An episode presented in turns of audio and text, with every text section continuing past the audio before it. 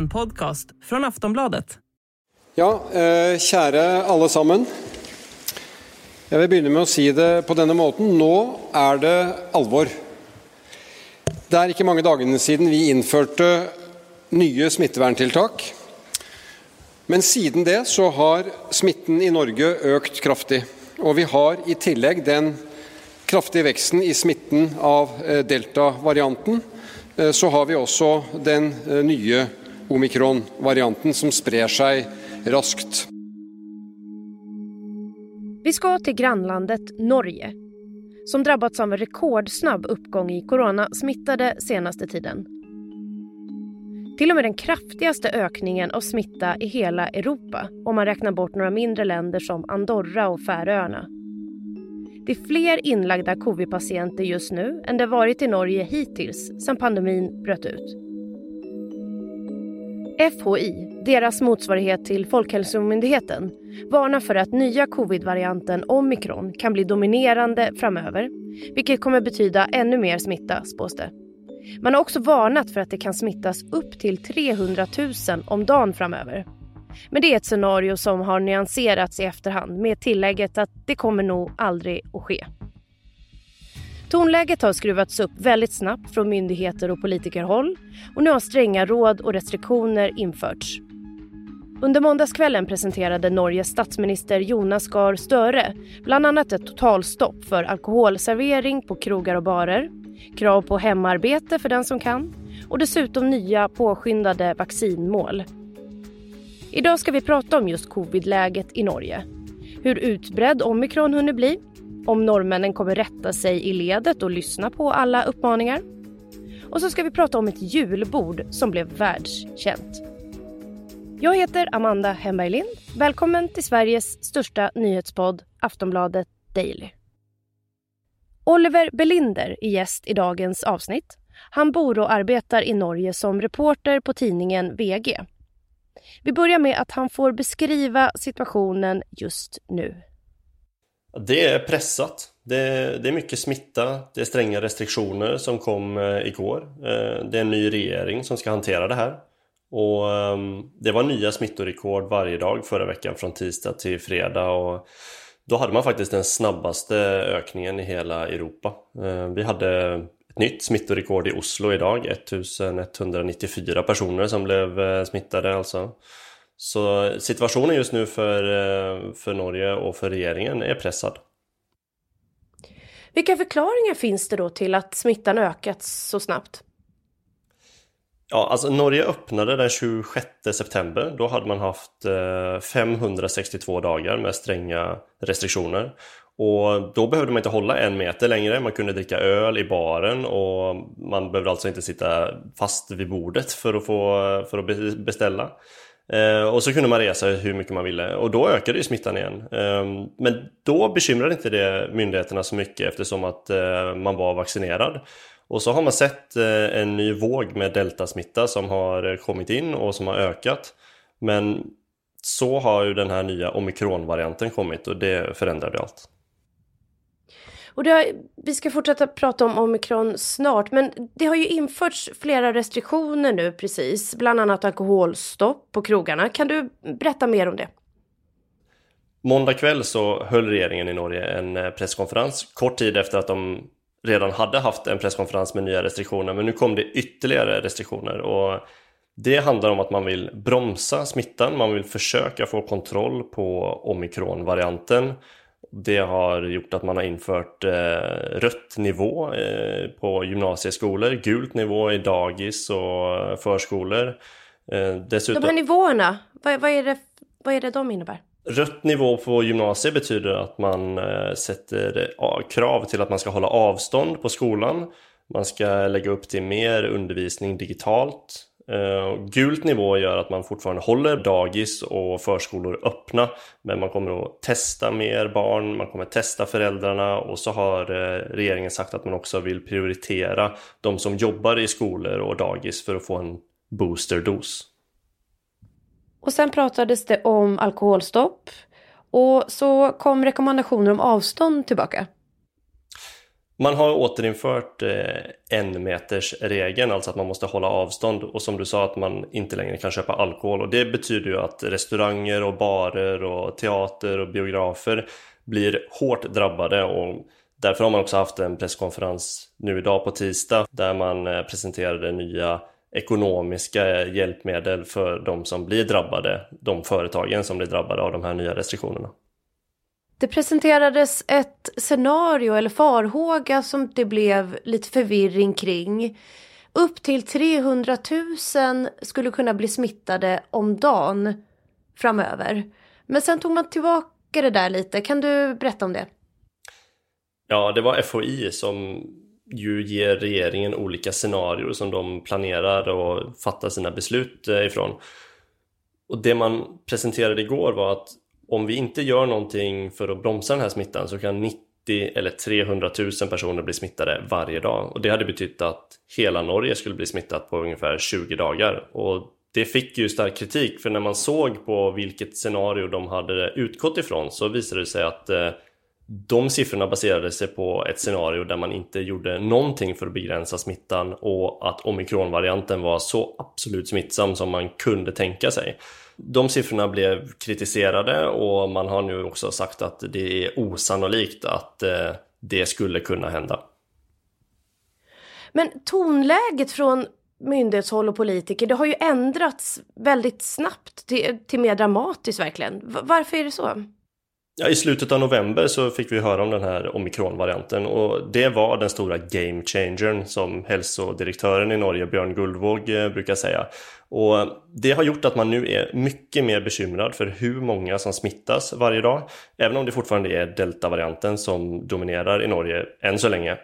Eh, innan har man kunnat läsa i rekommendationerna som eh, hälsomyndigheterna, Folkhälsoinstitutet och hälse direktoratet har gett till regeringen att de har haft olika uppfattningar om hur strängt det borde vara. Men nu är båda myndigheterna överens om att det behövs nya stränga restriktioner, så kallade kontaktreducerande restriktioner. Och det är alltså på grund av att vaccinerna ser ut till att fungera dåligare mot omikronvarianten och det gör att man blir väldigt bekymrad. Ja, eh, apropå omikron då, har, har Norge än så länge många fall eller hur ser det ut? Sanningen är att man vet inte hur många fall med omikron man har i Norge. Eh, Folkhälsoinstitutet har publicerat eh, 958 fall, men det är nog många fler än så och det är därför att man inte har lika mycket sekvensering av de som blir smittade, alltså man kan inte kartlägga lika mycket vilken variant det är folk blir smittade om, som man till exempel gör väldigt mycket i Danmark. Så undrar jag lite om det här julbordet i Oslo som ju blev väldigt känt, kan man minst sagt säga. Norway's prime minister announced the measures after news a Christmas party last week had been linked with a cluster of new infections in the capital. One person at the gathering of about 120 guests had recently been in South Africa and was infected with the Omicron variant. The guests were all reportedly vaccinated. Ja, så lät det då när julbordet i Oslo blev en världsnyhet. Det är ingen som ska vara allvarligt sjuk efter det här, ska vi säga, utan det är milda symptom de som har smittats har fått. Oliver Belinder, kan du berätta mer om det här, det som kallats ett superspridarevent? Fredag kväll den 26 november så är det ett julbord, en firmafest på en restaurang som heter Louise som ligger på Aker Brygge i Oslo. Där är det fullt med folk som dansar och har kul tillsammans. VG har till och med pratat med en som skickade en snap där det stod att eh, ja, nu blir det nog coronatest på allihopa imorgon. Men folk som vi har pratat med som var där har sagt att man tänkte att coronapandemin var över, vaccinerna, vaccinen fungerade jättebra och nu kan man leva som vanligt igen. Men Två personer som var på det här julbordet hade just kommit hem från en eh, jobbresa i Sydafrika och hade blivit smittade med den nya omikronvarianten. Två dagar senare så blir de två första fallen av eh, omikronvarianten eh, bekräftad i Norge. Sex dagar senare så, blev, så var 60 personer smittade och då beskrev detta som troligtvis det största omikronutbrottet i världen utanför Sydafrika och BBC, CNN och Washington Post alla skrev om det här. Ja, det blev ju en världsnyhet. Ja, det blev verkligen en världsnyhet att eh, ett litet land långt upp i Norden som Norge hade det största omikronutbrottet utanför Sydafrika och det gjorde ju naturligtvis att myndigheterna blev väldigt stressade och bekymrade för hur man skulle kunna begränsa den här smittan. Man hade ju infört eh, restriktioner på vilka som kunde komma till Norge från länder i södra Afrika men man var för sent ute och smittan var redan här. Här i Sverige så, så jämförs våra restriktioner och, och dess utfall ganska mycket med grannländerna, med, med Norge till exempel. Hur ser den diskussionen ut i Norge? Så jämför man med situationen i Sverige som, som vi gör här?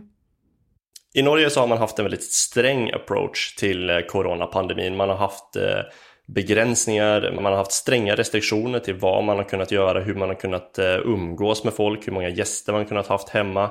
Och då har man sett på både Sverige och Danmark och jämfört med. Sverige har ju sett ut som en, eh, närmast en fristad när det gäller vad man eh, har kunnat få göra, vara ute på krogen och dansa och så vidare. Men i Norge så har man haft de strängaste restriktionerna sedan andra världskriget. Och nu så, nu så jämför man nog mer hur man hanterar smitta smittospåringen, alltså att Danmark till exempel kartlägger eh, hur många omikronvarianter man eh, har i landet medan Norge har inte den kapaciteten. Och så ser man också på Sverige som eh, ju ser ut att kanske ha en större flockimmunitet än vad Norge haft. Här är man mer beroende av att få gett boosterdoser till den vuxna befolkningen så fort som möjligt. Men hur snackas det generellt om covid bland folk du träffar och så just nu. Jag, jag, tänker hur benägna är norrmännen att acceptera de här restriktionerna som faktiskt begränsar vardagen? I Norge så litar man ju på myndigheterna som man gör i Sverige och i Danmark och flera andra länder. Så de flesta kommer nog följa reglerna och restriktionerna den här gången också. Men samtidigt så är nog många trötta på just restriktionerna och det är många som ställer sig frågan om varför vi nu har dem. Tidigare så var det för att skydda oss mot en livsfarlig sjukdom som vi såg i bland annat Italien. Nu är de flesta beskyddade mot allvarlig sjukdom och omikronvarianten ser ut att ge en mildare infektion än tidigare varianter. Så istället så är det kapaciteten på sjukhusen och förmågan att ge folk boosterdoser man är bekymrad för. Och det kan ju göra att fler nu är kritiska till hur väl förberedd man har varit. Eh, har man varit för hård när man skurit ner i vården? Borde man, utfler, borde man utbildat fler intensivsjuksköterskor? Så de nya restriktionerna ställer också nya frågor till regeringen och politikerna. Det är juletider nu. Vad tror du, kommer det att kunna firas jul i Norge och i så fall hur? Statsminister Jonas Gahr Støre var tydlig på presskonferensen måndag kväll att eh, det går fortfarande att fira jul och man kan fortfarande resa fritt fram och tillbaka och man kan komma in i Norge. Så... Men finns det något maxantal personer man får bjuda hem eller är det något sånt? Det ligger en rekommendation om 10 personer max, men en gång i julen så ska man få ha 20 personer. Men så Sannolikt så kan de flesta få fira en jul men den blir nog eh, annorlunda. Man ska hålla en meter och många kommer kanske att tänka en extra gång på hur många man egentligen har behov för att bjuda in. Det säger Oliver Belinder, reporter på den norska tidningen VG. Du har hört Aftonbladet Daily. Jag heter Amanda Hemberlind. Tack för att du har lyssnat. Vi hörs. Du har lyssnat på en podcast från Aftonbladet. Ansvarig utgivare är Lena K Samuelsson.